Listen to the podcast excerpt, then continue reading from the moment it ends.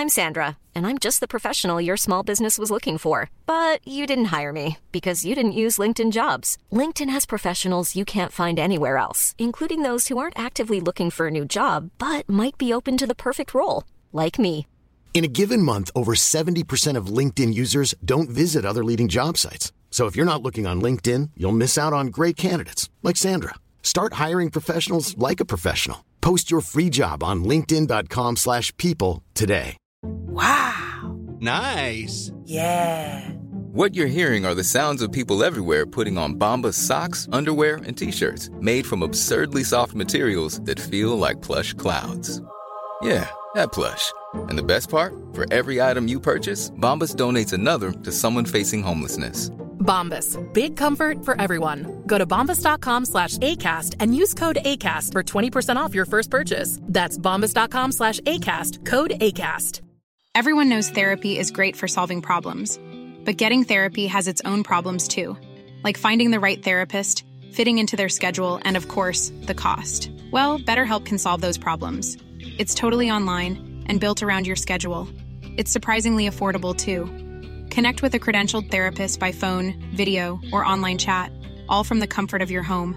Visit betterhelp.com to learn more and save 10% on your first month. That's BetterHelp H E L P. Tjena tjenare och välkomna till podden då eh, Vulkan, Målan och en gäst. Första avsnittet Marcus. Ja, känns jätteroligt. Eh, Vi har med oss Simon Tern från IFK Göteborg idag. Välkommen Simon. Tack så mycket. Ja, jag brukar alltid göra den här. Jag, jag gillar att göra det faktiskt. Jag, jag, en ära att du är med oss. Ja, roligt. Tack. Ja. Eh, Jag har ju din pappa som liten halvidol faktiskt. Så, eh, Tyvärr. Nej. Jag, jag, jag läste någonting på Twitter. Du kallar honom chipsröven tror jag. Ja, eller sådär, va? Ja, är det där med typ chipstuttar och... Nej, alltså från början så är det faktiskt eh, en historia som går bak i... Ganska långt bak i tiden. Jag hade, eh, vi var iväg på en liten sån golfresa varje år med ett Värnamo-gäng och så var det en liten pojk som hette Olle som... Eh, som, som första gången antagligen så var det ju såklart hans far som sa till honom vad han skulle säga. Men han var väl tre fyra så han, han plockade, plockade ur nappen och så sa han du har en chipsröv till farsan. Och sen efter det så har han alltid gått lite under benämningen chipsröven för mig. Sen har han ju en stor röv och det hade han ju även när han spelade. jo, Bra på att täcka bollen ju så att... Ja. eh, Det är väl därifrån från början det kommer och sen är Ja, han okej. lite tjock nu. Ja, det, var väl lite mer muskler på den lilla rompan förr Ja, då. det var det. Ja. Nu är det mjukt. Ja. Ja. Hur är er relation idag och så? Hur mycket kontakt har du och pappa? Jo men vi har en del kontakt såklart, det blir naturligt. Han följer ju, alltså vi följer ju svensk fotboll framförallt. Det har ju han, jag skulle säga att det är egentligen den enda jag följer om man ser till. Sen om man är lite Champions League och sådär så kollar man ju på. Men just eh, ligamässigt så, så kikar jag ju på så mycket jag kan både i Allsvenskan och Superettan och det har jag gjort ganska länge. Och han, han är väl egentligen samma så att eh, nu spelar vi ju också i samma serie så att eh, det blir ju naturligt att man, man har en, en kontakt både som far och son men också som, eh, som fotbolls... Alltså relaterat så ju. Vad är hans styrka som coach, skulle du säga? Alltså han var, han var ju tidig med, med lite den här Ajax-modellen ju med bygga spel. Alltså när, när vi började med det i Värnamo så var vi ju väldigt ensamma om att spela 4-3-3 till exempel. Alltså det var ju i princip inga andra lag som gjorde det och han hade ju en, en, en stark tro på att, att det är det bästa sättet att fram, framförallt utveckla och förädla yngre spelare och det systemet med när vi spelade, alltså spela igång bollen bakifrån. Nu är det, låter det ju liksom, men det, det var ju inte... Det här är ju bara 12-13 år sedan egentligen när det i princip aldrig gjordes. Alltså vare sig i Allsvenskan eller... Och när man satte igång, liksom, vi hade lite idéer med hur man skulle snabbt kunna sätta igång bollen. Nu fick man ju inte vara innanför straffområdet heller. Den regeln ändrades ju för det var ju inte så länge sedan så... Eh, och hade lite och började med det och det var ju liksom revolutionerande på, på, på den tiden lite så. så att det, Där var han ju tidig och sen så tror jag nog att hans ledarskap i att få fram det bästa ur varje individ är det som, som utmärker honom i Utöver den, den filosofin som han var tidig med då men den, den är ju kanske inte riktigt unik på, på samma sätt idag även om han var kanske lite pionjär på den tiden i, i Sverige i alla fall. ju. Han verkar vara ganska envis med när det kommer till tränarlicensen där. Vad, vad tycker du om det? Nej, men jag, jag tror att för honom så, så handlar det nog inte egentligen för han, han har aldrig haft något driv av att av att bli så bra tränare som möjligt på en nivå som gör att han liksom skulle vilja ta sig någonstans. Liksom så. Utan han alltid... Han, bör, han, han körde ju med Halmstad. Det, det var ju då eh, när, ganska kort efter han slutade ju. 2002, 2002, 2003 var det väl två år där. Eh, och sen så var det ju lite på gång där med, med, med landslaget. Eh, men sen så har han egentligen, sen så kände han väl att det, det, alltså han har ju levt ett liv, det är ju inte ni elitfotbollsspelare men du lever ju ett liv som är speciellt såklart och du har ju liksom eh, du, du, kan ju aldrig riktigt styra ditt schema. Du, det är ju såklart även om all, all vanliga arbetsplatser så har du ändå på något sätt, ja, men om jag jobbar denna veckan lite mm. mer så kan jag vara ledig ett par dagar. Alltså det livet får man ju aldrig riktigt det har ju inte jag heller fått uppleva än för den dagen man slutar. Och jag tror mm. att han kände väl att, att ha det eh, är lite för mycket om man ska leva hela sitt liv genom att också att vara en elittränare som det blir på ett annat sätt än det som man började med, med skola och utveckla ungdomar som, som blir såklart en, eh, en annan tidskrävande del som, som inte är på samma sätt som vara en elittränare för då sover du och vaknar du mitt i natten så tänker du väl antagligen på fotboll och mm. du har inte så mycket tid över för annat. Så jag tror egentligen att det är av den anledningen som han från början inte har gjort det. Och sen så kan jag väl hålla med honom till viss del. Nu vet jag inte om de har ändrat det men alltså, man brukar säga att om jag och morsan på förr så ska morsan vill också bli fotbollstränare så sätter de sig vid samma tränarbänk från början. Liksom. Och det, det, är klart att det får ju... Jag tycker att man får ju något sätt ha någon... Okej okay, om man gör de sista delarna kanske. Mm. Alltså, jag vet inte hur många olika steg det är fram med den här pro-delen och sen den delen innan som... Det kanske är väl på något sätt, annars så är det ju en ganska lång process och det kostar ju även pengar liksom även för, för, för föreningarna. Och mm. Om han nu skulle göra det själv så pyntar ju egen ficka. Då känner han nog att äh, har jag tillräckligt med kunskap. Ja, vi, vi, vi pratade om det innan där och jag är ju inne på din linje där också då. Om alltså, man spelat i, på den höga nivån sin pappa har gjort då. Både som är proffs i många härliga länder och med många härliga fotbollsspelare. Men jag tror vi nämnde Gascoigne bland annat va. Eh, då, då, ska man ha en E20, E6 eh, förbi kön lite grann. Alltså, har du varit på den höga nivån så vet du vad det handlar om. Mm. Eh, så jag var inne på den i alla fall. Jag gillar det där. Jag gillar att din pappa, man märker verkligen tydligt, han, han har kärlek till fotbollen. Grundbulten då i det hela då. Och jag tycker det är fint. Mm. Mycket fint. Du, det är dagen efter en tung förlust mot Helsingborg där. Vad, vad hände egentligen? Ja, det var ju... Det, det var väl en eh, kollektiv och individuell kollaps lite grann kan man väl säga. De, man ska inte ta ifrån motståndarna när de också kanske gör någonting som är lite bättre än vad de, de brukar. Jag tyckte Helsingborg kom ut med en, en bättre energi, ett högre tryck och en intensitet eh, än vad vi hade. Och eh, när matchen sen alltså summeras så är det klart att bortsett från målet de gör i andra halvlek så har de kanske inga målchanser då. Men sett till alla de chanserna de skapade i första halvlek där de även borde gjort något mål till kanske till och med. Mm. Eh, så kan man ju inte säga att det är orättvist liksom, för vi skapade ju inte för bortsett från sista tio så när vi började skapa lite chanser så skapade vi ju inte heller så mycket. Och första halvlek så är väl typ bara avslutet vi har är ju Gustavs mål skulle jag säga. Mm. Tror inte jag inte kan påminna mig om något annat. Så att det var ju tyvärr kanske eh, en en dyrköpt väckarklocka. Tycker det är sällan man ser att så många har så stora problem med passningsspelet som igår. Hur, hur kan det komma sig? Eh, nej men det, ja, det, det, kan vara alltså inte riktigt eh, på, tillräckligt påkopplad liksom i, eh, i det. Sen så planen är inte fantastisk eh, utan att det ska vara en, en ursäkt. Så, så är det självklart kan det ju vara en, en liten del eh, och, och, och, som har med då har du då ytterligare lite en, en sämre dag med bollen och du får en plan som är lite sämre än vad de kanske borde så, eh, så det är det klart att det, det får en påverkan. Men, men överlag så tror jag nog det handlar om att, att det kändes som de var liksom bättre påkopplade än vad vi var. Och eh, det som är ju, vi har ju spelat med mycket yngre killar och det är klart att i början, det vet man ju själv för vi har ju alla varit där, alla som är unga, så har du liksom du spelar ju på något sätt i början oftast för att du ska ta dig in i ett lag så måste du vara ganska bra. Mm. Vilket gör att du får oftast väldigt mycket beröm, du får mycket cred. Och sen så till slut när det där övergår till en vardag så gäller det ju fortfarande att kunna bibehålla en stabilitet och nivå. Och det är ju det som är det svåraste med, mycket yngre spelare. Att det är klart att det dippar ju. Det går ju mer upp och ner än vad det gör för äldre etablerade spelare som, som har större rutin. Eh, och det är klart att, att det blir ju kanske också en typ av lärdom att man liksom man måste ju på något sätt ha en nivå som, som håller sig jämn. Eh, och när det kanske inte riktigt funkar, även om, som, som jag sa, det är ju en erfarenhetsgrej också. Att du, du måste ju gå på de här smällarna lite.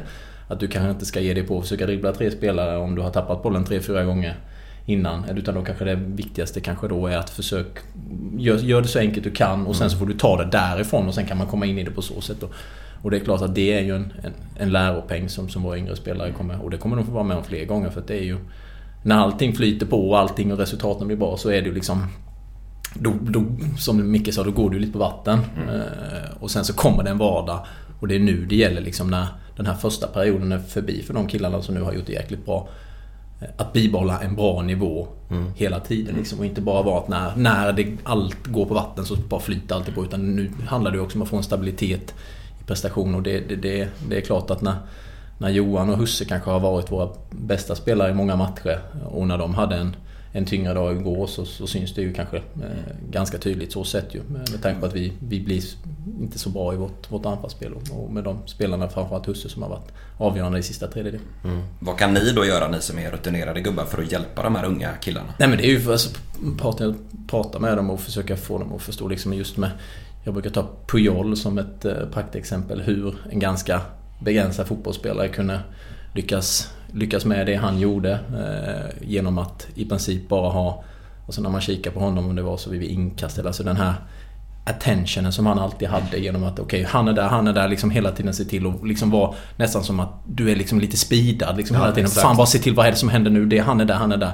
Att du liksom inte låter det gå ner och slappa till lite utan att man liksom hela tiden försöker bibehålla om det så är med boll eller utan boll eller vad det än är så, så att bibehålla den intensiteten och, och uppmärksamheten liksom när, när du är på plan. För, för vi vet ju alla att det, det går i perioder det går lite upp och ner. Det, det, gör det för alla spelare, även för etablerade spelare. Men fallen för etablerade spelare brukar inte bli Nej, så djup. Lägsta nivån är lite högre. Eller precis, det blir oftast lite... Alltså, då vet man att jaha, nu har jag en sån här dag. Nu får jag ta mig igenom det på ett sånt här sätt till mm. exempel. Alltså, de... Vi bara förklarar Barca-spelaren då. Ja, precis. Ja. Fantastisk gubbe. Ja. Jag, jag har faktiskt sett, sett Pujol eh, köra kvadraten. Jag stod i närheten när de körde kvadraten. Okay. Jag imponerades så mycket av honom och tänkte att han har ju skitbra teknik. Men då fattar man ju liksom hur bra alla de andra är också i jämförelse då. För att Pujol tycker man ju var ett klassiskt träben sådär. Men jag tror inte han var det riktigt utan bara att de andra är ännu, ännu bättre. Så, så är det. Självklart är det så att det finns Det är klart att spelar du i, i Barcelona och under deras storhetstid så, så har du ju en du har ju självklart en, en talang som ändå finns. Men hade han inte haft det där som han, det andra han hade så hade han ju aldrig spelat där. Har ni varit och kollat på Barca? Jag har kollat på Barca. Ja. Marcus? Jag har gjort det säkert 30 gånger tror jag. Nej! Jag har Barcelona väldigt, väldigt mycket för det är mitt eh, favoritlag. Mm. Ja. ja. ja, vad härligt.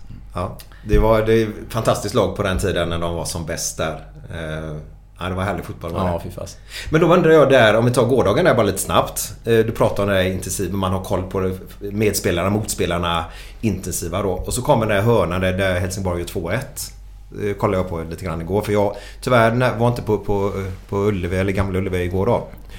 Eh, då har vi 11 spelare. Det är till och med på övertid va? Mm, det sista som händer. Ja. Mm. Vi har 11 spelare inne i straffområdet.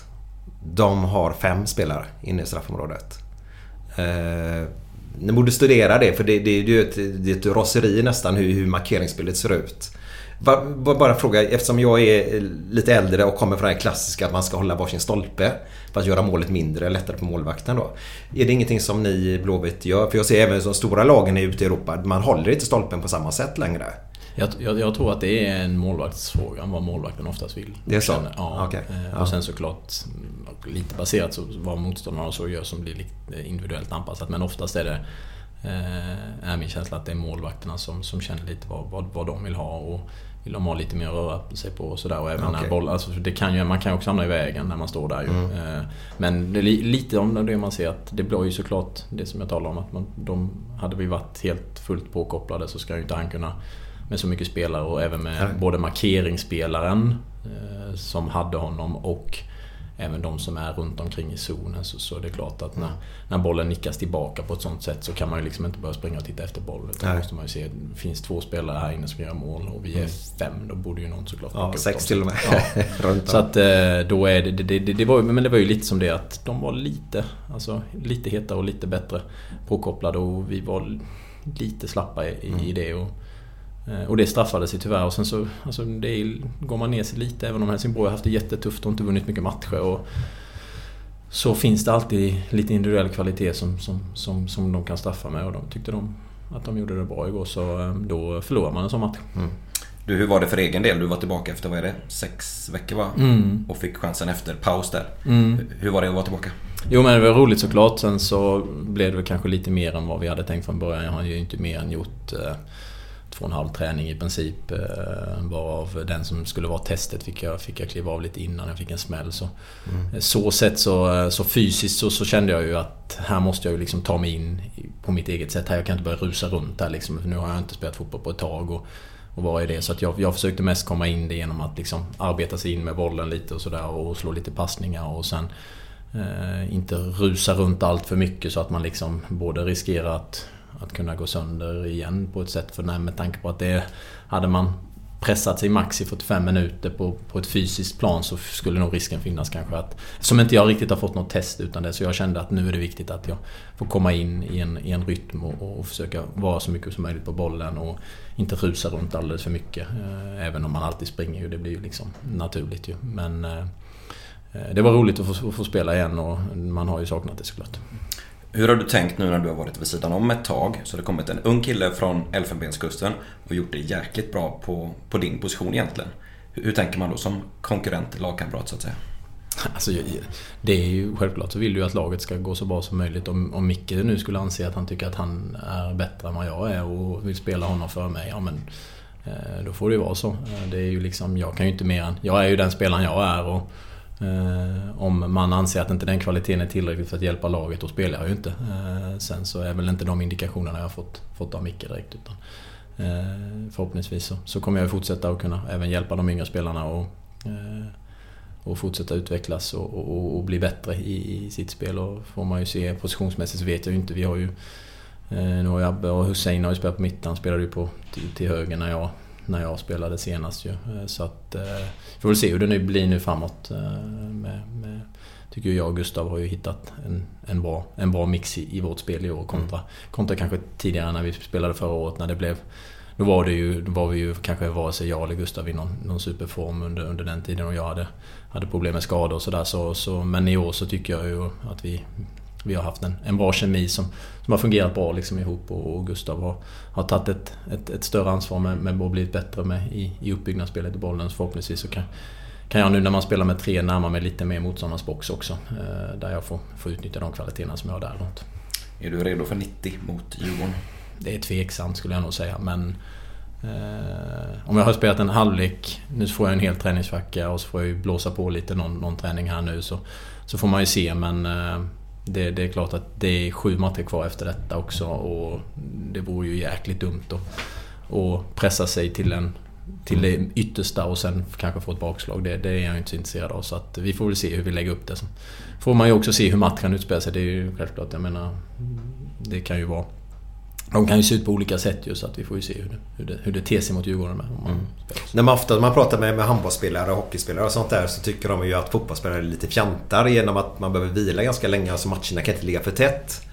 Eh, har man spelat 90 minuter och sprungit väldigt mycket och detta så, så, vet ju alla som har upplevt det att man är ju helt slut i ett par dagar efteråt till och med. Eh, kan du förklara för våra lyssnare hur, hur, hur känns det efter man har dragit iväg en jättematch och gjort eh, Alltså hur, hur slut är man i kroppen? Nej, men det är klart att du pressar ju dig till ditt yttersta. Skillnaden som, som är kanske just att om man ser till hockeyspelare och handbollsspelare, men de sitter mycket och vilar. Spelar mm. du 90 minuter vilar du aldrig. Alltså det är ju paus och då har du en kvart och sen så springer du och rör dig konstant i, i resterande tid. Och du springer ju, vi som är mittfältare, vi springer ju ungefär runt 1,2 mil per, per mm. match. Och, man håller ju, och det är ju liksom en puls som är upp och ner och sprinthastighet och höghastighet och sen är det lite lägre. Det är klart att det, det skiftar sig. Så att, att jämföra att jämföra hockey och handboll med fotboll, det går ju liksom Nej exakt, det var det jag skulle ha fram nämligen. Man får liksom, höra från dem. Jag menar ham, hockeyspelarna, de är inne i byten och de spelar en och en halv minut och sen byter mm. så spelar de 20. De som spelar mycket spelar väl 20-25 på, på en... Ja, då spelar de väldigt mycket. Ja, precis. Ja. Så att det går ju inte på fysiska ansträngningar för de har ju en annan bygd. Jag menar när de, när de är här och och tränar med oss. Ja just det, ni brukar möta ja, dem i ja, precis, så Eller i fotboll med Då känner de ju sig helt slut och ja. det är ju liksom... Det är ju, det är ju gång för oss. Alltså i, när vi kör en sån typ av träning. Vi, det är, vi bara springer runt och joggar och de blir liksom... De, de är ju riktigt, riktigt slut efter det där. Och det är ju helt olika muskler. Som, jag menar de är ju explosiva på ett helt annat mm. sätt. Och ju, måste ju ha den typen av liksom starka liksom och på ett annat sätt väger mer. Alltså vi måste ju, vi blir ju mer en allround-atlet på det sättet och handbollsspelarna måste vara stora och är du försvarsspelare i handboll så kan du inte väga 70 kilo liksom. Nej, det är Nej, kört så idag. att, eh, Det är stora pojkar. Ja, så att, Är det någon där i Frölunda som är duktig på, på fotboll? Eh, jag pratade faktiskt, vi träffade ju eh, Max senast. Vi pratade, Friberg. ja, vi är ju lika gamla och han berättade ju att han... Eh, han har ju tydligen, vi har ju mötts. Jaha, eh, okej. När jag var i Värnamo och han spelade väl i Skövde, eh, tror jag.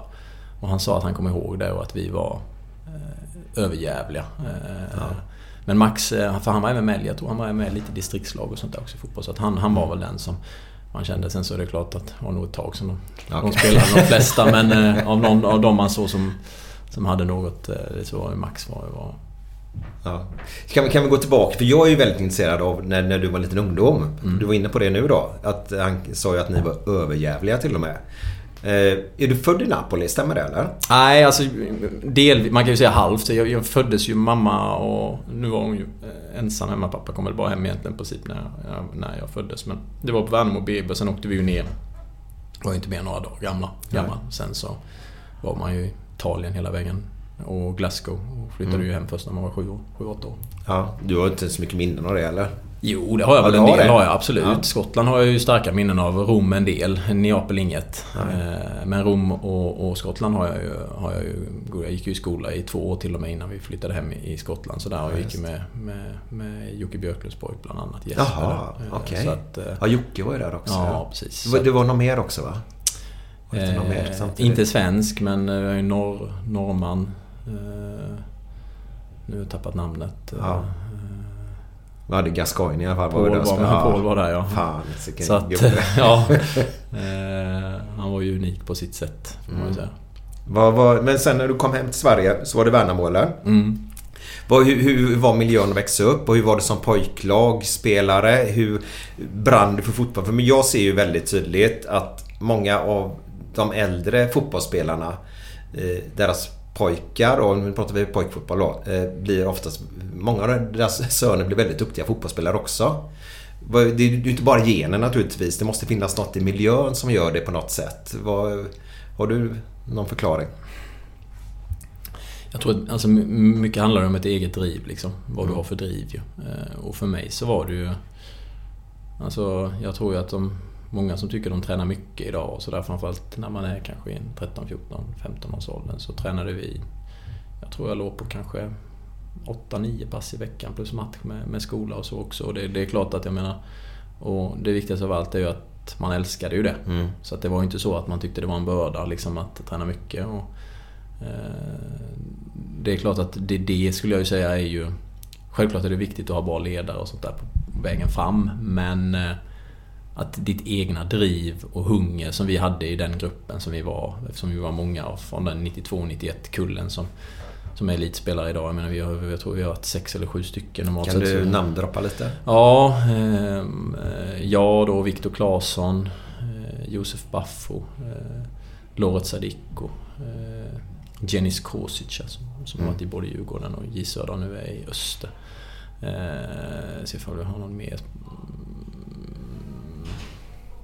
Dardan, eh, Dardan Mustafa, spelar i Allsvenskan med Gävle. Eh, eh, och det är väl en sex stycken från Det är en- nog ganska unikt att så många... det har jag aldrig hänt. Det, och då har vi ju liksom, då, det är skillnad, det man också kommer ihåg är att vi handplockade ju. Så det var inga handplockade spelare, det var ju folk som bodde i Värnamo. Eh, och jag menar det är lätt, jag menar BP och Malmö och de större klubbarna, Blåvitt och alla de kan ju plocka lite spelare runt omkring. Är det, är det någon som är överjävlig i Särö så plockar de hit honom. Oh, ja. Eh, Så funkar det inte riktigt i Värnamo på samma sätt med tanke på att det finns ju inte det upptagningsområdet. Och framförallt inte då, medan vi spelar division 1 och division 2 fotboll, alltså A-laget. Så att, eh, det skulle jag säga är ju helt unikt. Hur, hur var Jonas då som pappa? Var han liksom pushig eller var han... Nej, aldrig. Eh, Han, tryckte, han pressade aldrig mig på något sätt för att... Alltså jag vet, jag hade en period när jag var lite trött på det. Eh, När jag bara, nej jag vill inte åka och träna idag. Så sa han bara, nej då stannar du hemma. Och sen så åkte han. Eh, Så att det var liksom aldrig sådär att han försökte övertyga en om att... Alltså det, det är ju mitt egna driv som ska vara drivkraften, inte föräldrars driv. Och där har jag, ser man väl ett stort problem tycker jag idag. Där det är mycket föräldrar som, som trycker på barnen istället för att låta barnen vara barn och, och se till att, att den är... Alltså har du inte den egna drivkraften och du som förälder måste vara på och pusha, spelar det ingen roll hur mycket du pushar. Nej. Samtidigt kan man ju som förälder bli tokig när barnen bara vill sitta inne typ och spela data. Då vill man ju vara pushig och tjata på dem att fan du måste ut och röra på dig nu alltså. Men det är en annan sak. Mm. Alltså just, men, men just om man inte tycker Alltså att fotboll, alltså det finns ju många sätt man kan, man behöver ju inte Man behöver inte vara fotbollsspelare för att man ska aktivera sig. Men, så att, eh, jag menar, har du kommit upp i de, de åldrarna så, så nu är det ju såklart kanske en annan generation. Eh, det som jag tycker är jäkligt sorgligt är när man åker runt i de mindre föreningarna där hemma som man själv var runt i och spelade. Jag spelade ju även faktiskt i två lag samtidigt. Jag spelade ju Kärda IF som är en... Kärda IF. Ja. Det, det, var ju liksom där jag gick i skola. Mm. Som hade ju en jag eh, spelade med dem. I min eh, hade vi en, en klasskamrat där som var kille. Eh, vi var sju, nio stycken i vår klass, sju tjejer, två killar. Så jag spelade med någon som var 91, där var det åtta killar tror jag, åtta eller nio killar. Och vi spelade ju, och vi var ju också jätteframgångsrika den lilla byn. Vi vann, vann bland annat en, en cup i Stockholm, vi slog Brommapojkarna i finalen, fick spela i Lilla Sportspegeln och sånt där. Så nej, det finns, skojar du? Nej, så vi vann kupperna i Tipshallen och sånt i Växjö, slog Öster och sånt där. Så det var ju en en liten gyllene generation de hade där och där var jag ju med eh, fram tills i princip elvamannafotbollen började då. Så jag Aha. spelade ju två lag samtidigt. Eh, okay. Så jag spelade med mina klasskamrater där mm. samtidigt som jag spelade IFK Värnamo då med mm. i, i, där. Så att jag, jag spelade ju och tränade ju i princip och de krockade faktiskt sällan. Mm. Så att jag spelade ju och tränade, spelade ju två matcher på helgerna för det mesta och, och tränade ju i princip varje dag när jag redan från när man var 10-11 år. Eh, så att, eh, det... men, du skulle komma till någonting där va? Du sa att det var sorgligt att se... Ja men att, eh, att de föreningarna inte har någon ungdomsverksamhet idag längre. Och det är, ja. ju, det är ju såklart... Det är tufft för dem idag. Ja, och sen när man åker runt och ser att planerna har växt igen och det står kvar gamla mm. reklamskyltar med lite gammal spons, spons, spons och planerna är åkrar. Eh, och att när Kärda nu som jag kikar lite med, tänker vi har en liten kontakt fortfarande med dem såklart, med de människorna som jobbade runt där och som brinner. De har ju, har ju kvar en A-lagsverksamhet men det är ju det de har liksom. Innan mm. så hade de ju Hiring for your small business? If you're not looking for professionals on LinkedIn, you're looking in the wrong place. That's like looking for your car keys in a fish tank. LinkedIn helps you hire professionals you can't find anywhere else, even those who aren't actively searching for a new job but might be open to the perfect role. In a given month, over 70% of LinkedIn users don't even visit other leading job sites. So start looking in the right place. With LinkedIn, you can hire professionals like a professional. Post your free job on linkedin.com slash people today. Everyone knows therapy is great for solving problems, but getting therapy has its own problems too like finding the right therapist, fitting into their schedule, and of course, the cost. Well, BetterHelp can solve those problems. It's totally online and built around your schedule. It's surprisingly affordable too. Connect with a credentialed therapist by phone, video, or online chat, all from the comfort of your home. Visit betterhelp.com to learn more and save 10% on your first month. That's BetterHelp, H E L P. De hade ju, den generationen som jag var, de hade yngre generationer, de hade flickfotboll. Eh, de hade ju liksom all, och det var ju mm. fullt, fullt ös där hela tiden och idag så, så är det fortfarande samma människor som brinner för det men tyvärr så, så, så är det ju både tror jag från, från eh, ungdomarna själva men också från, från människor som, som inte brinner för samma sätt föreningslivet som det kanske var för, för 15-20 år sedan. Ja, det är skillnad Plus att dagens Ja, när vi växte upp. Alltså det, var, det, det finns så mycket mer att göra idag. Ja. Det fanns ju inte det förr på samma sätt. Det var det föreningsliv, det var där alla var. Man umgicks ju på det sättet. Exakt. Det, det blev en kan du umgås genom hörlurar och Fortnite. Exakt. Man kan sitta framför och spela FIFA ja. och ihop mm. och allt möjligt. Och ja. det gick ju inte förr. Nej. Utan då var det ju där man träffades. Ja. Det var en liten ungdomsgård nästan. Fan, jag älskade den tiden gjorde jag. Ja. Det, det, det, ja, vackert var det. Så, ja, så det är ju lite, det tycker jag skär ju lite i hjärtat. Ja, jag förstår det. det. Mm. Du eh, Simon, du brukar ju tycka till ibland om moderna saker inom fotbollen. Vi måste bara ösregnar ute nu. Nu, nu, nu, nu är det Göteborgsväder. Jag älskar det faktiskt. Symboliskt på något sätt kanske. Ja. Ja. Nej men du brukar ju tycka till på, på Twitter och sådär om grejer som du stör dig lite på inom den moderna fotbollen. Eh, till exempel gummiband. Mm. vad kan du berätta om gummibanden? Nej men alltså jag har ju varit med, vi har ju varit med, det är ju, vi är ju några som, de har ju varit med lite längre än vad jag har med, med Mackan, Oskar och Bjassa och de här. Men jag har ju ändå varit med ett tag och jag har ju på något sätt följt, eller ja, man har ju varit med om den här fysiska delen i att vad som trendar. Mm. Och det stör mig lite. För att hux flux kan inte... Hux flux kan inte gummiband vara det bästa som finns i hela världen. Och alla i hela världen gör just gummiband. Och sen så ena gången så ska alla hålla på med pinnar. Då är det massa pinnar som Ja, ja. finns överallt. Alltså, Kan du förklara vad ni gör med pinnarna och gummibanden för de Nej, som inte förstår vad vi pratar om nu? Ja men gummiband, alltså då är ju typ aktivera, alltså du aktiverar ju musklerna i lite sån här prehab och, och såna här grejer som du gör innan träningen och sen även ibland när du har på träningen att det ska på något sätt aktivera musklerna då som, eh, som gör, men jag har ju varit på alla fystränare jag haft genom det att jag vet den värsta skiten som, jag, som, som finns och de, det skiter ju de i ändå. Så att, eh, Ja, ja. Men, men, eh, Men, men fyller det någon funktion Ja men det du, alltså, för mig så, jag vet ju inte. Alltså, Handlar det inte lite grann om det man tror på hjälper en? Jo, men lite så är det Lite väl. Och det om de har en övertygelse på att gummiband är jättefräckt och Mm. häftigt och hipp och sådär så får, de, får det väl vara så får man väl göra det. Men det är, alltså, det är ju ingenting som jag går runt hemma med. Eller om jag ska spela en golfrunda att jag ställer mig med lite gummiband och börjar dra. Utan då vispar man på bollen och sen så är man varm. Men du, eftersom du gillar ju det där gamla då, alltså det där man, man kompisgäng när man spelade. Eh, man gick ut på gården bara och spelade fotboll ihop och det. Eh, och så sa alltid tränaren, när jag växte upp i alla fall, att man måste stretcha innan man börjar skjuta. Det är livsfarligt, du sträcker dig. Jag känner inte någon kompis överhuvudtaget genom alla, jag är i alla fall över 50 nu då, som, som någonsin har sträckt sig på, på att spela hemma på gården. Och då skjuter man och dörnar direkt från början. Så, så ja, det, Det, går- det, sen så är det ju lite skillnad såklart. Det är, det är ju inte så att jag känner mig redo för att gå ut och döna nu idag när man är 30. Men när man är 15, 14 då Ja. kan jag säga att då kan du döna på hur mycket du vill utan att... eh, Det händer något. Ja. Vad är det mer du stör dig på nu? Expected goals vet jag. Ja, alltså jag tycker ju mycket av det här som... Alltså nu snart så försvinner ju...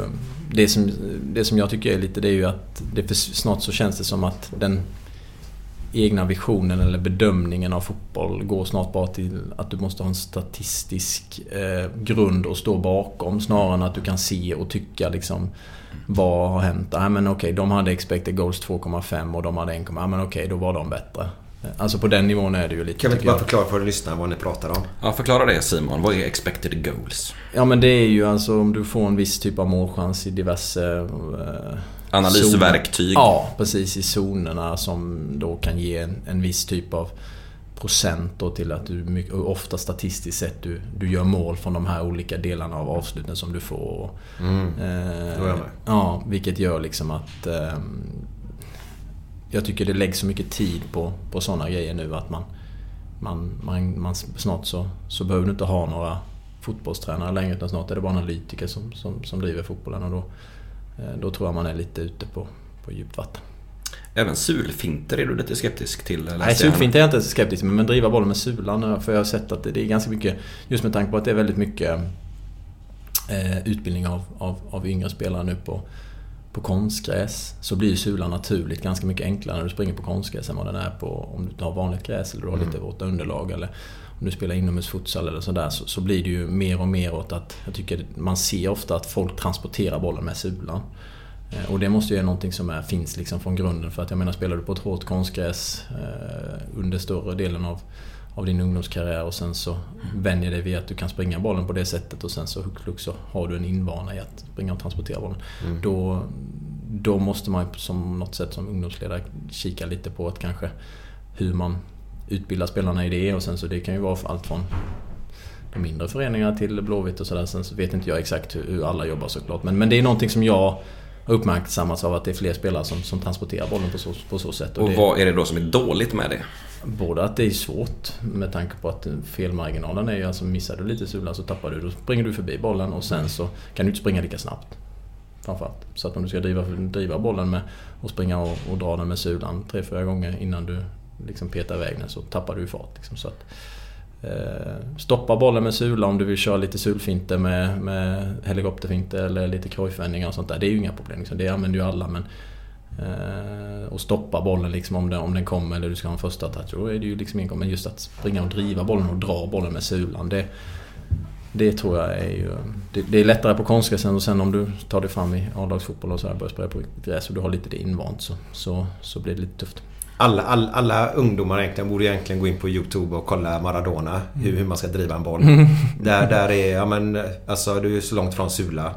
Han har den verkligen framför Messi sig. också har du ja, liksom som exakt. Taff, taff, taff, taff, taff. Eller de flesta spelarna. Det finns ja. ju inga som... Det är ju Neymar kanske som med visshet. Men han, han använder ju oftast eh, sulan i ett, ett syfte av att skapa liksom mm. en läge för att kunna driva bollen på något sätt. För han använder ju så mycket med sina kroppsliga liksom finter mm. på ett annat sätt. Så Bassa är väl kanske lite, lite... Eh, men bara för att Neymar gör det ibland så behöver inte det betyda att Nej, men det ser man ungdomarna vad de tar efter. Så. lite så blir det oftast. Det, det, det är lätt hänt. Finns det något mer du tänker på när det kommer till den här moderna fotbollen som du irriterar dig lite på?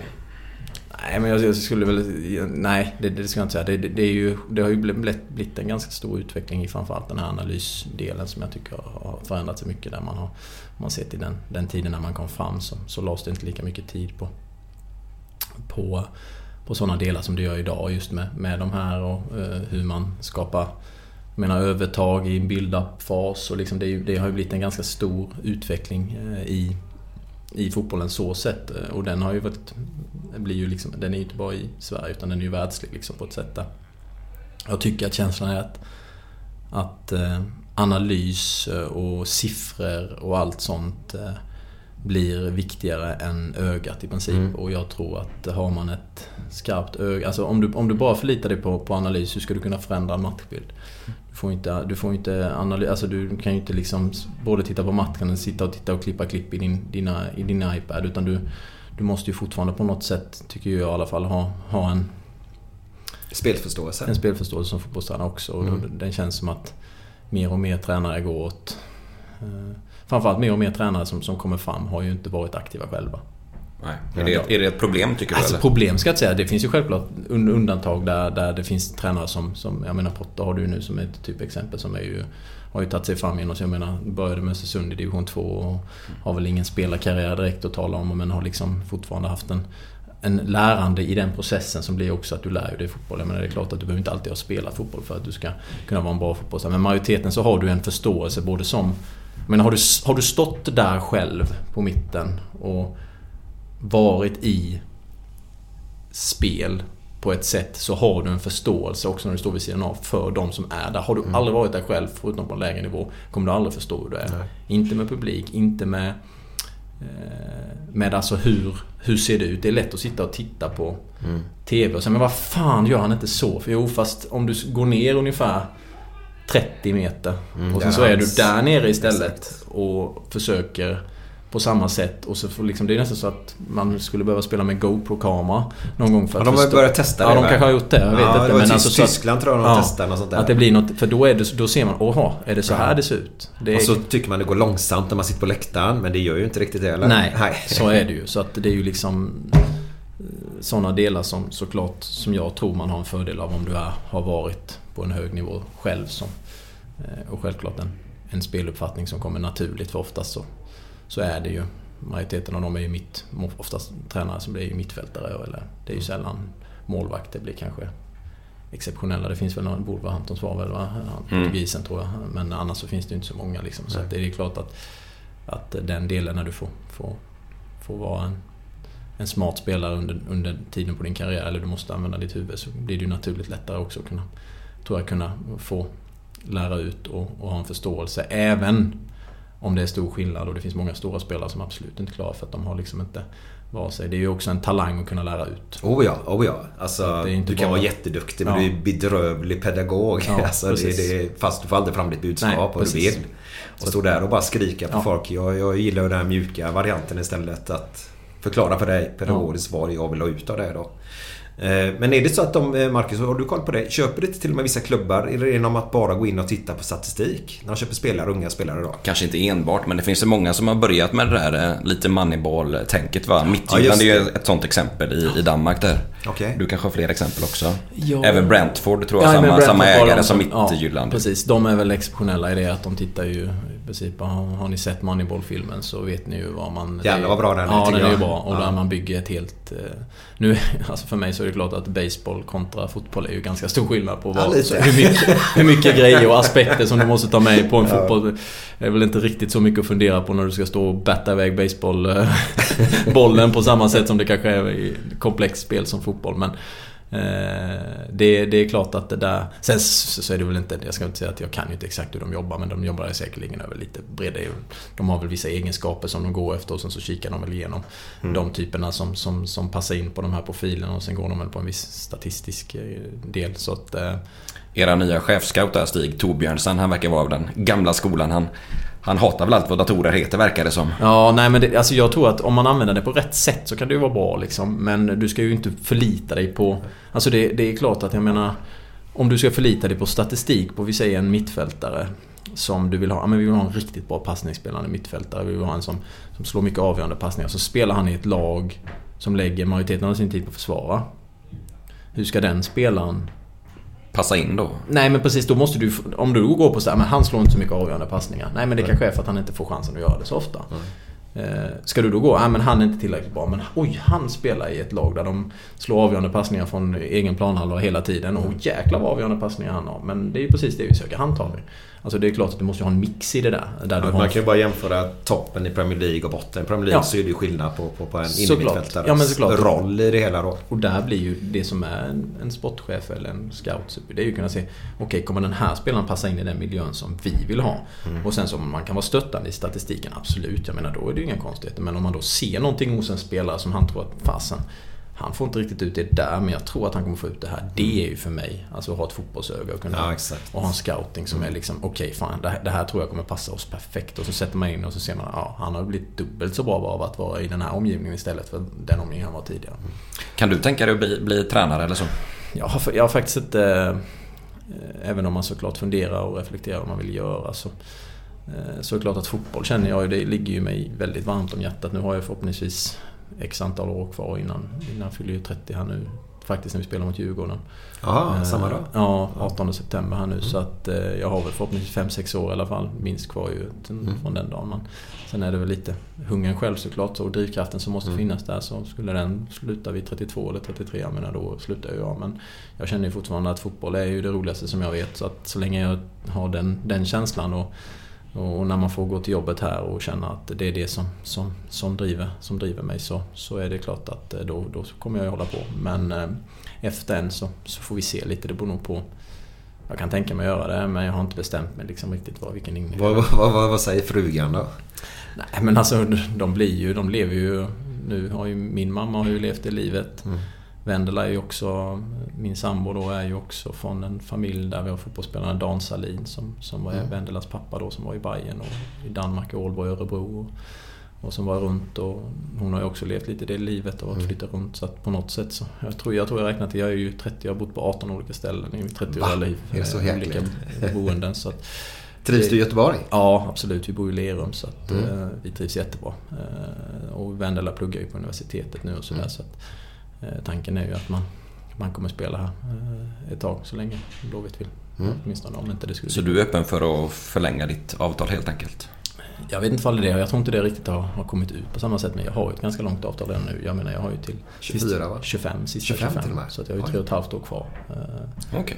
Mm. och det har väl... Nu blir Marcus glad. Ja, men att du skrev så långt? Nej, det gjorde jag inte från början. Du har förlängt det? Ja, förlängt det en gång. Vad fan okay. är detta? Har du... Marcus? Det har jag missat helt. Vad fan är detta? Nej, men har ni ens gått ut med det, eller på att säga? Inte men... så på det sättet, tror jag. Att det outades så. Eh, utan det var ju, de gjorde ju någon Blåvitt Play-grej om det lite grann. När de var hemma hos eh, mig. Och jag, vi pratade ju inte direkt om det så, men de sa, vet jag att då, då sa de att du har förlängt, eller du har förlängt ditt avtal till 2025 och typ något sånt i den stilen. Så att, jag tror även det, det, finns på de här olika statistik, transfermarkt och de här sidorna att det står 20. Så att jag tror att det är inte helt... Det är helt... en statistikgrej man ska ja. rota det, i. Ja, precis. Det är, det är ju inte, det är inte hemligt men det har Nej. nog inte heller outats på, på, på något Nej. sätt. Okay. Ja.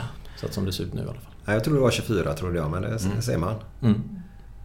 Så det... Ja, men VAR. Vad, vad, vad tycker du om VAR? Ska, ska, det, ska det in i Allsvenskan eller inte? Har vi, har vi, har vi någon möjlighet att säga stopp ens? Eller vad tror ni? Ja, nej, jag, jag, tror ju att till slut så kommer det komma sen så vad man tycker. Eh, ja, det har ju inte... Alltså, det blir, oavsett så blir det ju någon typ av bedömning varje gång. Alltså det, fotboll är ju lite... Det är ju inte helt svart eller vitt många gånger. Det är ju liksom, jag tror att skulle man kunna sträcka sig till att använda VAR i till exempel offside-syfte. Mm. Enbart. Till exempel. Eller Mm. goal line technology. Mm. Så hade jag kunnat tänka mig det på, på ett annat sätt. För då... Alltså en offside, även om man nu tydligen nu så hade dykt upp något i Serie A så är det där de lyckades på Ja. sätt dra linjen snett eller vad fan de gjorde. Men- det är mänskliga faktorn säger Ja, jag. ja. Återigen, Ja. att det kan alltid bli fel. Ja, så att just offside, offside-delen med att man på något, på något sätt skulle ha någon typ av... Alltså domare ska inte sluta döma. Nej, Då exakt. behöver vi ju inte dem. Nej. Då kan vi ju ta bort dem och så behöver vi inte ha någon offside-vinkning. Kan eller de sitta och kolla statistik där uppe? Ja men precis, så kan Ja. de ju sitta och så varje... Ja. För då, om, de ändå ska springa och vänta med att lyfta flaggan tills det är någon som har sagt i öron till dem att nu är det offside. Ja. Då tappar du, då, då kan ju jag vara domare, då kan ju ni vara domare, kan ni springa på linjen och... Mm. Det är vi också. Chansa, ja, men chansa lite i inkast liksom. För det är ju det man gör till slut. Ja. Ha den touchen, ja men vi tar dit. Så att eh, jag skulle säga att skulle man på något sätt, det kommer ju säkert utvecklas och där man inte tar bort domarens funktion men om det är liksom... Eh, alltså just när de börjar med de här när det är tår och för det är Jag ju vet. också, det är ju också något, alltså för de kan ju inte stanna kameran exakt när bollen slås heller på Nej. samma sätt så att om det är en liten stund innan och han Alltså det där är, tycker jag är för petigt. Man får ju något sätt ha om de på något sätt ändrar det till att tydliga fel. Mm. Alltså som, som Precis, grova misstag ska kunna ja. rätt- rättas Men till du, tycker jag. domare får du inte sluta vara. Så att om en domare missar en offside med... Där det är en, liksom en löpning som... Och det blir liksom precis på gränsen. Man springer åt varsitt håll visar Ja, nu. typ. Ja. Då är det ju liksom... Då tycker jag att då får ju domarens... Ja, det är ju skitsvårt. Ja. Även, med VAR så är det Ja. svårt att se. De kan ju sitta i fem minuter Men ibland. ser de att det är en meter offside eller en halv meter offside Ja. och det är ganska tydligt och domaren har missat det, ja men då får man ju kalla på. Men när du börjar med de här... För sådana saker som är offside idag. Hade det varit för fem år sedan innan VAR, eller sex, jag vet inte när VAR exakt kom. Då hade ju inte de diskuterat sen som offside. Nej, nej. Då hade det bara varit... Det, för det är ju lite det, för då, då blir det ju... Ja men det där, nej det där är ingen offside. Eller så sitter man, ja men det där kanske... Ja, nej, tveksamt. Och Ja. sen så är det över. Jag har ju sett matcher ibland där inget av lagen... Alltså ett lag, jag tror det var någon Liverpool-match. eh, Så, så, så gör Wolverhampton mål. Eh, Ingen klagar överhuvudtaget. Liverpool lägger upp bollen, ska spela av den. Men sen kommer de, vänta vi ska kolla på en grej. Då är det den lilla tån då. Ja. Som, som är offside. Och så blir det inget mål då. Jag tycker det ska vara lite grann till och med att när ingen klagar eller tycker att Nej, men det var ett korrekt mål. Att man ska få utmana nästan på något sätt. Du har en utmaning per... Men har du rätt då så får du fortsätta ha den utmaning Som per egentligen. Ja, som tennis lite grann. Ja. Hawkeye där då. Det tror jag, för då hade det blivit lite man att... Blir det ett sånt mål och ingen klagar, då är det mål helt Mm. enkelt. Eh, Sen funkar det väl olika bra i olika länder men jag tror Ja. att Premier League har inte funkat så bra. Däremot Nej. i Spanien tror jag att det funkar helt okej Ja. faktiskt. Ja. Så att, ja men det, det, är ju, det kommer ju också ske en utveckling i det såklart. Så att, eh, men, jag ska inte säga att jag är helt emot det. Nej. Det ska jag inte säga. Har, har, har, har ni inte anfall, jag menar, VAR har funnits så pass länge där ute nu. Har inte anfallaren, och det här med spelförståelse det som vi var inne på, har ju också ett ansvar att börja ändra sina löpningar lite grann. Att ta lite mer avstånd. För de vet ju om att VAR finns. Har jag då ett finger eller någonting för mycket, då blir jag ju avblåst. Eh, Anfallarna kan man sätta lite krav på att ja, sluta tjuva så mycket för du, du, åker ju dit till slut då. Ha 20 cm till godo eller någonting. Jag tycker anfallarna ska behöva ta lite mer ansvar också.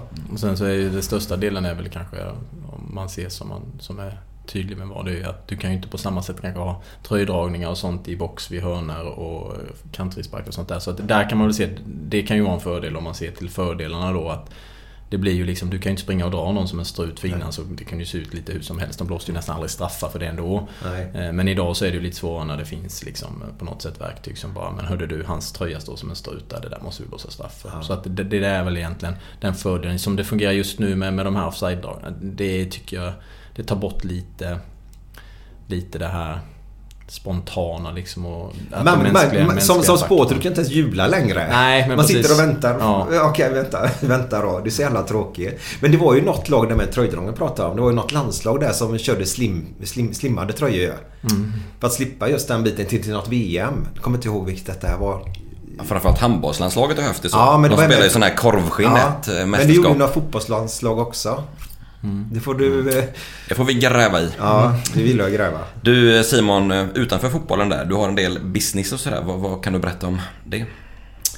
Ja, nej men jag har väl ganska från tidig ålder intresserat mig också. Att jag förstår ju att det kommer ju en, en dag den dagen du slutar spela fotboll också. Och eh, varit eh, ganska kreativ och försökt hitta på så mycket grejer som möjligt. Och vissa grejer har man ju testat som kanske inte riktigt har fungerat och som man har fått, eh Eh, fått kika på andra grejer. Men, men jag skulle säga att, eh, att jag, alltså, det ger mer än vad det tar liksom för, för mig personligen. Jag har lärt mig mycket genom det. Och jag har både hållit på en del med fastigheter, haft hyresfastigheter och sålt, köpt och sålt lite fastigheter och renoverat och lite sådana där grejer. Men även startat lite olika företag som, som, eh, som, som jag håller på med lite fortfarande idag. Även om man har en lite mer layback roll kanske jag hade, jag hade tidigare och i en paddelhall bland annat både äger fastigheten och verksamheten ju så att... Eh, det är du och Marcus eh, Rosenberg eller? Ja, precis bland annat. Så att eh, vi har ju en, en nära relation jag och Marcus har ju haft sen, sen vi spelade ihop och det skiljer ju tio år på oss men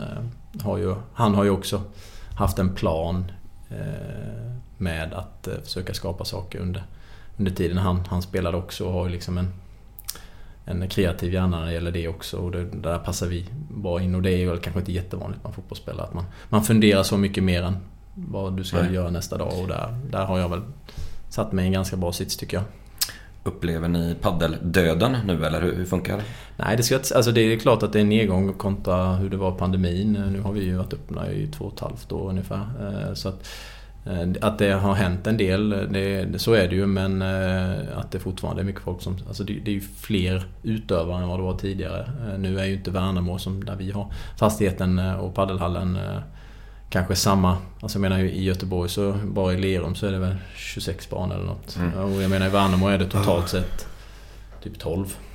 Och vi har sex av dem. Så att det är ju lite skillnad också kanske på vad, vad det är. Men, eh, Ni får det att gå runt och så eller? Ja absolut. Eh, men att det har varit en nedgång. Eh, det har, har det varit kontra innan. Sen så gäller det, då blir du, får du jobba lite hårdare för att du ska, att du ska kunna hålla uppe intresset då med mm. ungdomar och annat. Som, som är viktiga såklart i det och försöka, försöka driva in en bra ungdomsverksamhet och sådär som gör ringar mm. på vattnet. Så att, det är en utmaning också som, som man får ta sig an. Ja, man kan inte bara slänga upp lite paddelbanor och tro att det ska vara självspelande piano idag. Utan du måste faktiskt erbjuda någonting mer. Ja. Då tar du Lerum som du bor i där så har de ju öppnat extremt många paddelbanor där. Och, och ska jag inte säga för mycket men det, det blöder både här och där kan vi väl säga. Utan, och, och får vi se om barnen har kvar om ett år. Jag tror det. inte ni har 26 barn kvar i alla fall. Nej. Nej. Det... Och det är synd för de som startat det men ja. alla skulle in i paddelvärlden. Här var det... många, snabb, många trodde att det är snabba pengar att tjäna och, ja. och fixa och sen sätter sig på framförallt de som inte äger fastigheten själv. Jag menar äger du fastigheten så skulle paddeln inte fungera så kan du ju riva ut dina, dina banor. Sen så är det något eh, industriföretag eller liknande som, som kan hyra in sig. Och, har man högt, högt i tak och sådär så är det ju många, ett stort intresse. Vi har ju 12 meter liksom i takhöjd hos oss. Så att där finns det ju, har ni 12? Ja, det ja, finns ju bra, bra liksom, verksamhet att kunna ha utöver padel. Just så att, eh, mm. Eh, har man gjort. Men sitter du på ett hyresavtal på 6-7 år och du har en hyra som inte du kan betala. Då hade, sover man inte gott om nätterna såklart. Nej. Vem är bäst på paddel? Du eller Rosenberg? Det är nog Mackan tror jag. Jag tyvärr inte. Alltså, även om man... Jag har inte spelat så mycket. Alltså, det är ju, när man är hemma där över jul så spelar jag en hel del med Viktor Claesson. Eh, och det är väl egentligen det vi spelar och han mm. spelar väl ungefär lika mycket som jag och annars så spelar jag ju under säsongen så spelar jag ju ingenting. Eh, så att jag tror Mackan är, han är, ganska, han är ju explosiv som fan så han är ju rapp liksom. Och, är han det trots att han är 40 år ja, fyllda? Jag tror han är ett unikum. Man kan vara rapp fast man är 50. han, han, är ju ett, han är ju ett unikum så sett ju. Det som, ja, okay. På det sättet ja. som han spelade fotboll. Jag menar även om han var 37-38 år när han satte fart på benen så hade han ju fortfarande det här bettet liksom kvar. Mm. många tappar ju ändå det med, med åren. Men, mm. Men han hade ju han hade ju en förmåga till att bibehålla det. Eh, även om inte såklart man kanske kan göra det lika mycket så, så är han ju där är han ju jäkligt stark. Mm. Hur, hur, hur, är du som paddelspelare? Hur, jag eh, har ju spelat tennis. Så att ah. jag har ju en grund liksom. Okay. Eh, mm. Som är stabil ju. Så mm. att, eh, Lite misstag? Ja, det skulle jag nog säga. Slår inte... Jag har ju, man är ju är man lite rapp i benen och du kan springa och hämta lite bollar mm. så, så är det ju liksom, man vet ju att det handlar ju inte om att göra några forced errors i det här. Så att få ner dem i hörnorna och mm. fram på nät bara och vara stabil i volley liksom. Mm. Det där fram på nät, det kan vara lite jobbigt ibland. Men det är, det är en väldigt rolig sport det där. Ja, det är sjukt kul. Och det roligaste är att man till och med man ser ju äldre människor som håller på med det. Jag tycker det är jättetrevligt. Ja. Ja. Så det är en härlig motion, motionssport då. Ja. Eh, fotbollen tar ju mer på kroppen som sagt var. Och det kommer vi överens om. Absolut. Mm. Marcus, har du några mer roliga frågor eller? Eh, egentligen inte. Nej, men jag har ju en, en, en eh, lite mer... Jag, jag har ett segment i den här podden som jag skulle vilja ha in. Jag ska komma fråga alla gäster i alla fall. Eh, och det, det, det, handlar väl lite grann om att... Eh, eh, jag gillar att prata med folk och ju mer man pratar med folk så öppnar folk upp sig. Och då kommer det fram oftast att man berättar om sig själv och mm. jag är öppen med mitt så är andra öppna med sitt och detta. Och jag ser väldigt tydligt där ute att just mycket män eh, kanske inte mår så jäkla bra. Mm. Men, men så lyssnade jag på, på en podd med dig. Mm. Olof Lund tror jag det var va? Stämmer. Där du berättade om när, när, när du tog time-out time out från fotbollen där. Mm. Och jag blev väldigt berörd blev jag faktiskt. Mm. Och tyckte det var väldigt fint att du gick ut och pratade om det. Mm. Har du lust att berätta lite? Ja, alltså time-out var det väl. Alltså, det, för, alltså, jag hade ju inte förmågan att uh, kunna. Mm. Det var ju det snarare. Så, så, just lite med det som vi precis var inne på om man ser till, uh, till um, företagande och lite sådär. Såklart att det krävs ju också en tid och, och energi. Mm. Eh, på ett sätt samtidigt som man också är elitidrottsman som är såklart en Alltså jag har ju aldrig sett, man ser, när du är inne i det så, man har varit med ett tag så Så den, den psykiska påfrestningen som, som det kan innebära som kanske är tydligare när man är ung och kommer fram och det är lättare att ta, ta åt sig saker än vad man gör. Jag menar idag så får ju Marcus jättegärna tycka att jag är kass en match och det mm. lägger ju inte jag så stor vikt vid. Nej. Alltså på det så, men det tar ju på ett annat sätt när man är yngre såklart. Men oavsett så är det ju ingen som är oberörd. Mm. och Eh, med det sättet eh, som jag levde livet under den perioden. Jag har precis blivit, eh, blivit pappa. Jag hade var igång och projekterade hela fastigheten med paddelhallen och skulle dra igång det. Och hade fastigheter sen innan som är liksom i både hyresfastigheter och andra fastigheter som, som, som kräver sitt jobb. Samtidigt som jag var på väg bort och flytta från Norrköping då. Eller det var ju liksom transferperiod. Då. Vilket år är vi på nu? 2019 är det ja. 2019, ja. Eh, och, och det var liksom ganska mycket och vi spelade Europa. Mm. Vi spelade ju liksom, och jag spelade ju allting hela tiden och spelade 90 minuter.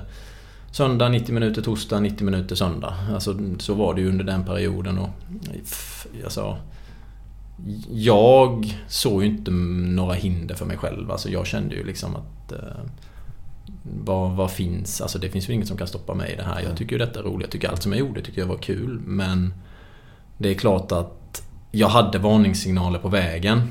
Som gjorde som, som man nu i efterhand såklart hade kunnat tolka på ett, på ett bättre sätt än vad man gjorde. Men jag, alltså, man lever liksom i det och jag har ju aldrig, alltså just om man sitter gå in i väggen eller just det här bli totalt utbränd liksom på ett sätt som det, det, har jag aldrig ens reflekterat över. Det är väl bara att gå igenom väggen. Alltså ja, det är väl inget svårare än så. Alltså, Manligt. Ja, vad, vad är vägg? Vad är det mm. liksom?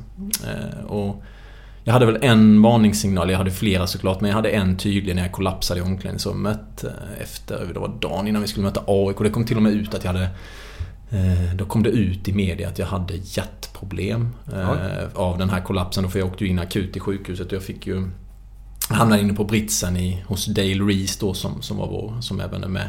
Han var Helsingborg han ju nu och var med i landslaget som, som fysisk Han var på 70-talet i Blåvitt? Jajamän, Eh, så jag, han drog in, eller de drog in mig på hans brits där och kopplade upp mig. Jag hade ju maxpuls. Eh, alltså, eh, och kände ju vad fan är det som händer nu liksom. Nu håller jag på att coola vippen här mm. i omklädningsrummet. Och åkte upp till akuten och låg där över natten och de gjorde en massa olika tester och de hittade ingenting. Och sen så var ju matchen mot AIK som jag inte var med. Sen tränade jag och så var jag igång liksom igen och sen så gick det väl några veckor till och sen så började jag få en extrem huvudvärk. Alltså jag kände liksom det var något som inte stämde. Liksom, det var ont i nacken och jag liksom, fan, jag hade så ont. Jag kunde knappt sova liksom, på nätterna för jag hade sån huvudvärk. Eh, och vi gick runt och man gjorde lite tester och det var liksom, nej men det är nog bara spänningshuvudvärk eller det är mm. liksom, det är något där. Och sen så var det en natt när det bara slog till liksom när jag inte kunde, jag kunde i princip inte ta mig upp ur sängen. Oj. Ja, så att det var ju där det började liksom och då, sen så började man ju förstå kanske och jag gick ju på undersökningar till psykiatriker och annat att eh, kroppen klarar av och knoppen klarar av en del men den klarar inte av vad som helst. Och det fick jag ju erfara den, den tuffa vägen. Men hur... Alltså komma till... Alltså oftast blir man ju rädd. Först har du då pulsen och så spänningshuvudvärk. Hur, hur kan du koppla det? Hur, hur du gjorde den själva kopplingen sen då? Förstår du ja, men det fick jag ju hjälp av. Alltså ja. jag fick ju, hade jag ju... För mig så fanns det ju inget alternativ att inte få hjälp och det är det som, som jag kan förstå liksom i... Alltså jag får ju tack vare den man är och den alltså yrket som jag har så knäpper man med fingret så. Sen får jag den absolut bästa hjälp man kan ha. Expertis i jag menar psykiatriker, psykologer. Alltså de kopplas ju in så snabbt. Medans Vad bra. om en vanlig person skulle ha Ja, ja. det som jag hade. Vilken tid det tar. Så är det ju liksom... Och då är det ju liksom... Det är ju, alltså jag, jag sa ju att jag förstår människor som tar sitt liv. Alltså... Som inte får den hjälpen som krävs liksom. Men du fick bra hjälp snabbt. Jag fick bra hjälp snabbt och fick ju börja jobba. Det. Sen tog det ju jättelång tid för mig. Jag menar det tog ju... Vi snackar ju... Alltså jag började ju träna fotboll kanske, kan det ha varit efter två månader eller något sånt där lite lätt. Var med, hoppade in de sista matcherna. Det här var ju liksom mitt på säsongen. Vi- Vi hade väl kanske 13-14 matcher kvar eller något sånt där. Eh, Och jag spelade, jag spelade ju ingen från start resterande delen av det året. Och jag hoppade in några matcher där på slutet. Och, eh, och det, men det var ju liksom...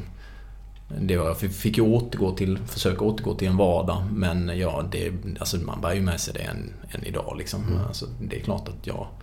Skillnaden är nu att man kan tolka signaler på ett annat sätt och man vet ju också vad, vad kroppen är kapabel till. Eh, Och när du får signaler som är Upp, upp, upp, upp, upp. Nu får du nog lugna ner dig lite. Ja. Då vet man liksom att Lys- okej. Lyssnar du då? då?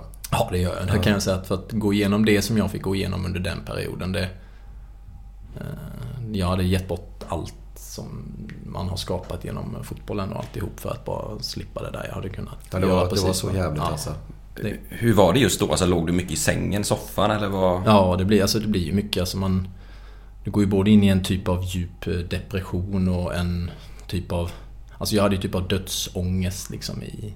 Att man normalt sett kan spela fotboll och spela springa, precis som jag sa, vi springer 1,2 mil och spelar Ja. det tre gånger i veckan. Från att inte kunna gå ett varv runt huset liksom. Eh, För att det känns som att, åh fan det här fixar jag inte, jag håller på att ramla ihop här nu. Alltså den, den kontrasten som blir och att man, hur man ska kunna koppla det som att man inte är, alltså håller på att dö. Alltså det, den fick jag ju inte riktigt ur skallen för jag kunde inte förstå jag kunde inte förstå det. Alltså hur, hur är detta möjligt att jag inte knappt kan röra mig idag? Alltså varför kan jag inte det? Eh, Och den, alltså den lärdomen som man fick, fick, fick ta sig igenom på grund av den smällen, den var ju den hade jag ju gärna såklart haft ett, ett stopp på tidigare och kanske, kanske att man skulle kunna på något sätt läsa men, men som jag sa att jag, jag, jag kopplade liksom inga signaler överhuvudtaget. Nej. Jag bara körde på liksom.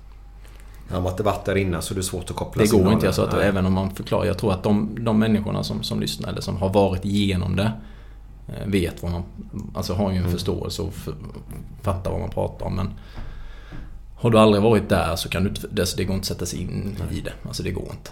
Att, eh, Vad har du fått för reaktioner på detta? Du har ju valt att vara öppen med det hela tiden och så. Alltså jag, jag, jag har ju bara fått såklart, alltså det var ju enbart positiva reaktioner och, Eh, och mycket stöttning i, i det och många som är tacksamma att man har liksom öppnat upp eh, på någon, någon sak som är både jobbig att prata om själv och det är det än idag. Alltså jag tycker fortfarande det är jobbigt att prata om men eh, man har ju ändå hjälpt, alltså jag kände ju på något sätt att jag har hjälpt människor på vägen också i det som är som var en viktig del för mig när jag varit ganska, eftersom jag är ganska öppen och frispråkig i, vanliga fall så, så kände jag att då, Varför skulle jag inte kunna vara det om detta? Nej. Fint. Ja. Väldigt, väldigt fint. Och det är just det där, alla borde prata på något sätt. Mm. Vad var det som fick din vändning om man säger? Var det något specifikt eller vad?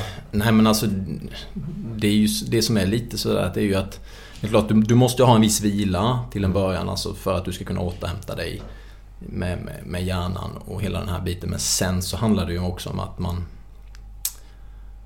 Du kan liksom inte lägga dig i soffan eller sängen och bara ligga och gömma dig. Alltså det går Nej. inte. Du måste liksom på något sätt ta tjuren vid hornen även om det är jävligt tufft liksom. Eh, Och det är ju det som, som är det jobbigaste alltså i det här. Alltså desto längre du väntar på det desto, desto svårare blir det. Liksom, eh, Från den dagen där du känner att energimässigt att du klarar av saker så måste du kunna börja med de sakerna. Om det så bara är att du har superångest av att gå ett varv runt huset för du vet inte vad du ska klara det. Alltså, du, desto, desto längre du väntar och går det där första varvet desto större ångest blir det ju av Ja. att försöka liksom, ta sig ut och göra det. Så att, det är ju klart att den hjälpen som jag fick var ju, var ju avgörande i det. Alltså just att, att fejsa det här liksom på, på, på ett sätt som, som man måste göra för att du ska ta dig igenom det. Eh, eh, Och där så, så, så är det ju.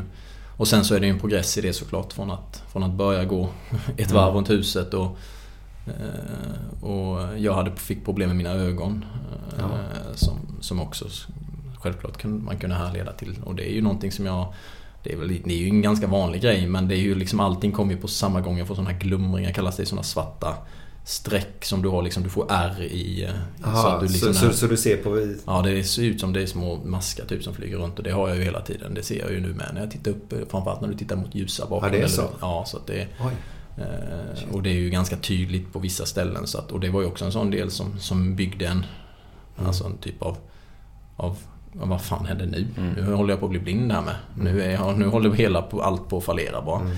Kan då- det försvinna eller? Nej, det försvinner aldrig. Okej. Så det är någonting som... Mm. Men det är inte ovanligt.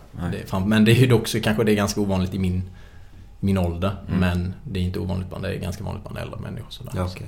Får du hjälp än idag? Nej men jag, har, jag, jag vet ju vad jag...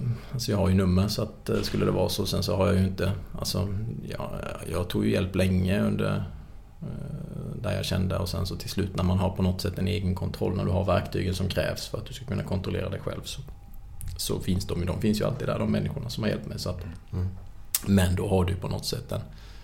Eh, någonting som du, du har, får en förståelse och eh, du har de verktygen som krävs för att kunna, kunna veta vad du ska göra, var och när, när med olika saker händer. Ja, det är bra. För du, du pratade om förut det där med att ligga på soffan. Att inte gå upp då gör ju att det skapar ju ändå mer ångest. Och eh, många där ute som inte tagit hjälp och så ligger med ångesten. Så på något sätt när man mår dåligt där så gör man ju alltid det felaktiga valet. Och det skapar ju ändå mer ångest, mår man ändå sämre. Eh, och det, och det, det är så jäkla synd. Har du något råd till dessa människorna? Ja, men man kan ju jämföra, alltså jag har ju lite olika typer. Du kan jämföra. Om du har klaustrofobi Mm. eh, och du aldrig åker hiss för att du är livrädd för att du ska åka hiss. eh, Din klaustrofobi kommer ju aldrig försvinna. Nej. Den blir bara värre för varje gång du väljer att ta trapporna. att jag skrattar. Ja, det, det är ju sant. Ja. Och sen är det ja. ju samma, det är ju ett av de vanligaste är ju till exempel när Kanske när ni, ska jag säga, men när man börjar komma upp lite i åren eller när man börjar känna av symptom och annat som, som kan innebära fara eller sjukdom så har man en typ av eh, ångest för att åka till sjukhuset. Man vill liksom inte hitta något. Man vill liksom inte... Man är livrädd för att okej, fan nu har jag ont i magen här nu och nu är det liksom... Nu känns det... Och nu har jag haft ont i magen länge och så till slut så bygger man upp en ångest för att man vill liksom inte åka, åka till sjukhuset och kolla. Eller, man, eh, eller kan vara tvärtom. Vissa åker till sjukhuset för att ha en bekräftelse och att man måste bara få en bekräftelse för att jag är inte sjuk. Eh, och det finns många sådana olika typer som där du på något sätt måste ju... Har du en, har du en klaustrofobi, om man nu tar det som exempel, så att ja då får du börja åka hiss. Mm. För till slut så får, fattar ju hjärnan att det är inte så farligt att åka hiss. Så, så det är viktigt för dem att ta sig upp och alltså, göra Du den här lilla ju, du promenaden. måste ju, ja men du, precis, du måste Ja. ju... Du måste ju ta dig an det som bygger din ångest. Liksom. Mm. Alltså det, desto mer du trycker bort den, desto större ångest bygger du Mm. kring, kring de delarna. Och klaustrofobi och är väl den vanligaste tillsammans med, med sådana typer av alltså sjukhusångest. Då, Mm. liksom, så att, att har du då en ångest och du inte varit på, kollat upp det på många år så ja, då får du ju se till att börja kolla upp det en, en gång om året åtminstone. Och sen, om du nog knappt klarar att gå in till sjukhuset, ja men börja med att åka till sjukhuset och sätta dig på parkeringen då. Ja, exakt. exakt. Alltså du måste ju börja med någonstans. Ta det i små steg. Ja. Ja. ja. Och om du då inte är och du är jätterädd för att åka, ja, men testa att gå in i hissen en gång då först. Och sen så får du gå ut ur den om du inte vill åka den. Och sen nästa gång så kan ju hissen stänga, sen kan du öppna den när du står där inne. Och sen och så vidare. Och så vidare. Det, är ju lite, det är ju egentligen samma sak med, Ja. med allt sånt som... som Och har du inte vet du, berättat detta för någon så berätta det för någon och få hjälp då Ja. också. För man kan behöva hjälp med ett samtal ibland bara. Ja. Eh, Det är de små grejerna som gör det. Ja, och det var ju en, stor, alltså om man ser till Jag tror att det som var, gav störst slagkraft i det jag gjorde det var ju att jag var mitt i det När jag gjorde det. Jag var ju liksom inte förbi det. Alltså många, många pratar ju om, om jobbiga saker som har varit Men de pratar ju sällan om det när man är kanske mitt i skiten liksom. Och jag var ju verkligen, när jag satt med Olof så var jag ju liksom Då var jag ju längst ner eh, Och var, hade ju liksom Okej. det var ju precis, om man ser bortsett från den här första perioden när jag bara låg i... Låg, och sen så var det egentligen det första som jag, som jag egentligen tog mig upp där, det var ju just i detta då. Eh, Så att jag var ju liksom... Eh, man var ju verkligen mitt i skiten när jag, när jag, när jag gjorde det då. Så jag tror att det var därför det gav en, en extra slagkraft utåt. Så. det finns ju hjälp att få. Det ska Mm. man vara medveten om tror jag. Det gäller bara att söka den om man verkligen behöver det. Ja. Ja, och så komma till rätt ställe ibland Mm. alltså. Ibland går man och söker och så tänker man bara vad fan. De fattar ju inte mig. De förstår mig ju inte då. Så det gäller att hitta rätt person också på något sätt och komma rätt. Det, det är svårt där ute Ja. för, för många. Eh, Ja, nej men jättebra va? Det här var vårt första avsnitt nu då. Eh, vad hette podden nu då? Even when we're on a budget, we still deserve nice things.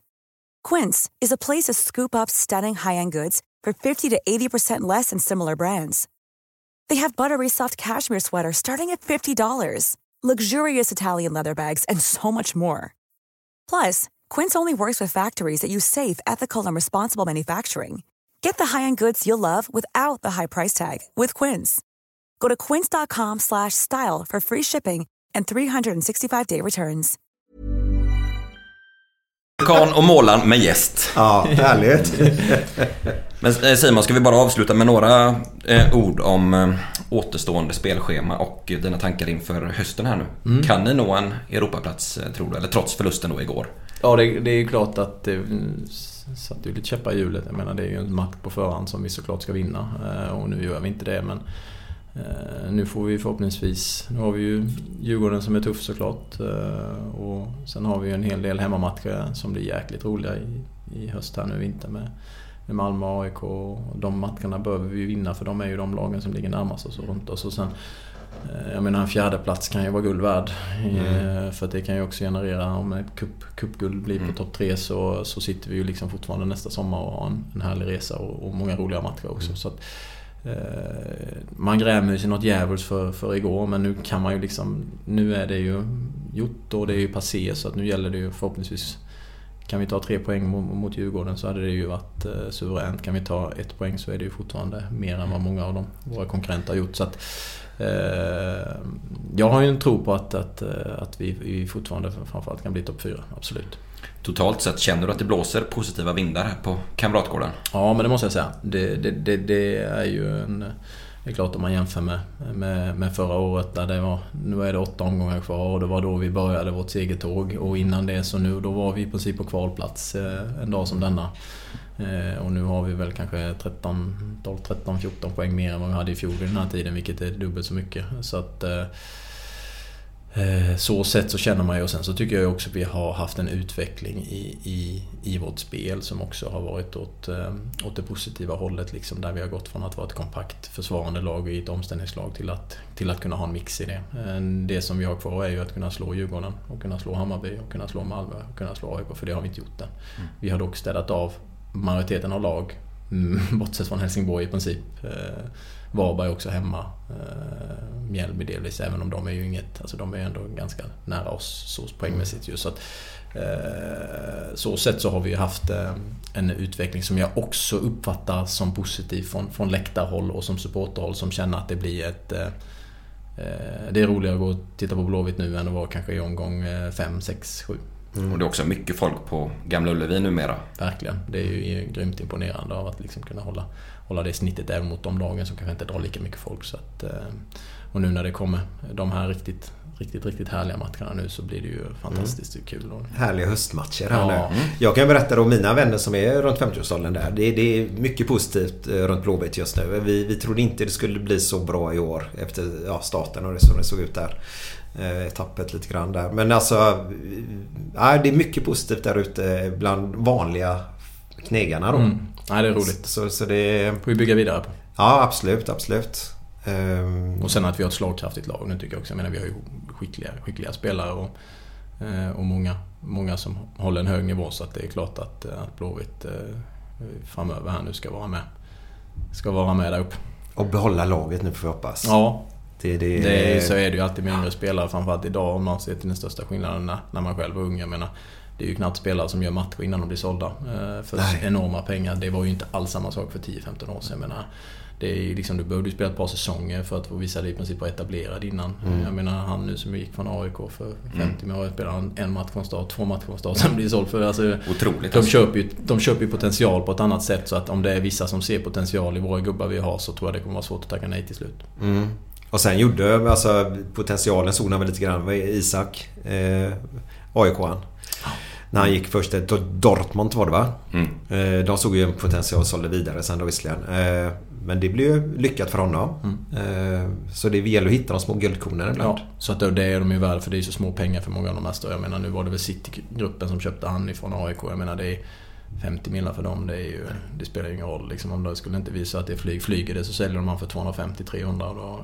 Eller så sätter de han i sina, sina bättre lag. Så att så sett så är det en liten annan marknad idag än vad det var då. Ja, jag gillar inte utvecklingen men det är en annan sak. ja, jättebra. Jag ja. tror att vi sätter punkt där. Tack Simon för att ja. du kom hit ja, och, tack. och, tack för att uh, ni lyssnade. Ja, vi kommer tillbaka nästa vecka igen. Eller Marcus? Det gör vi. Det ska bli skoj. Bra. Ha det gött. Ha det gött.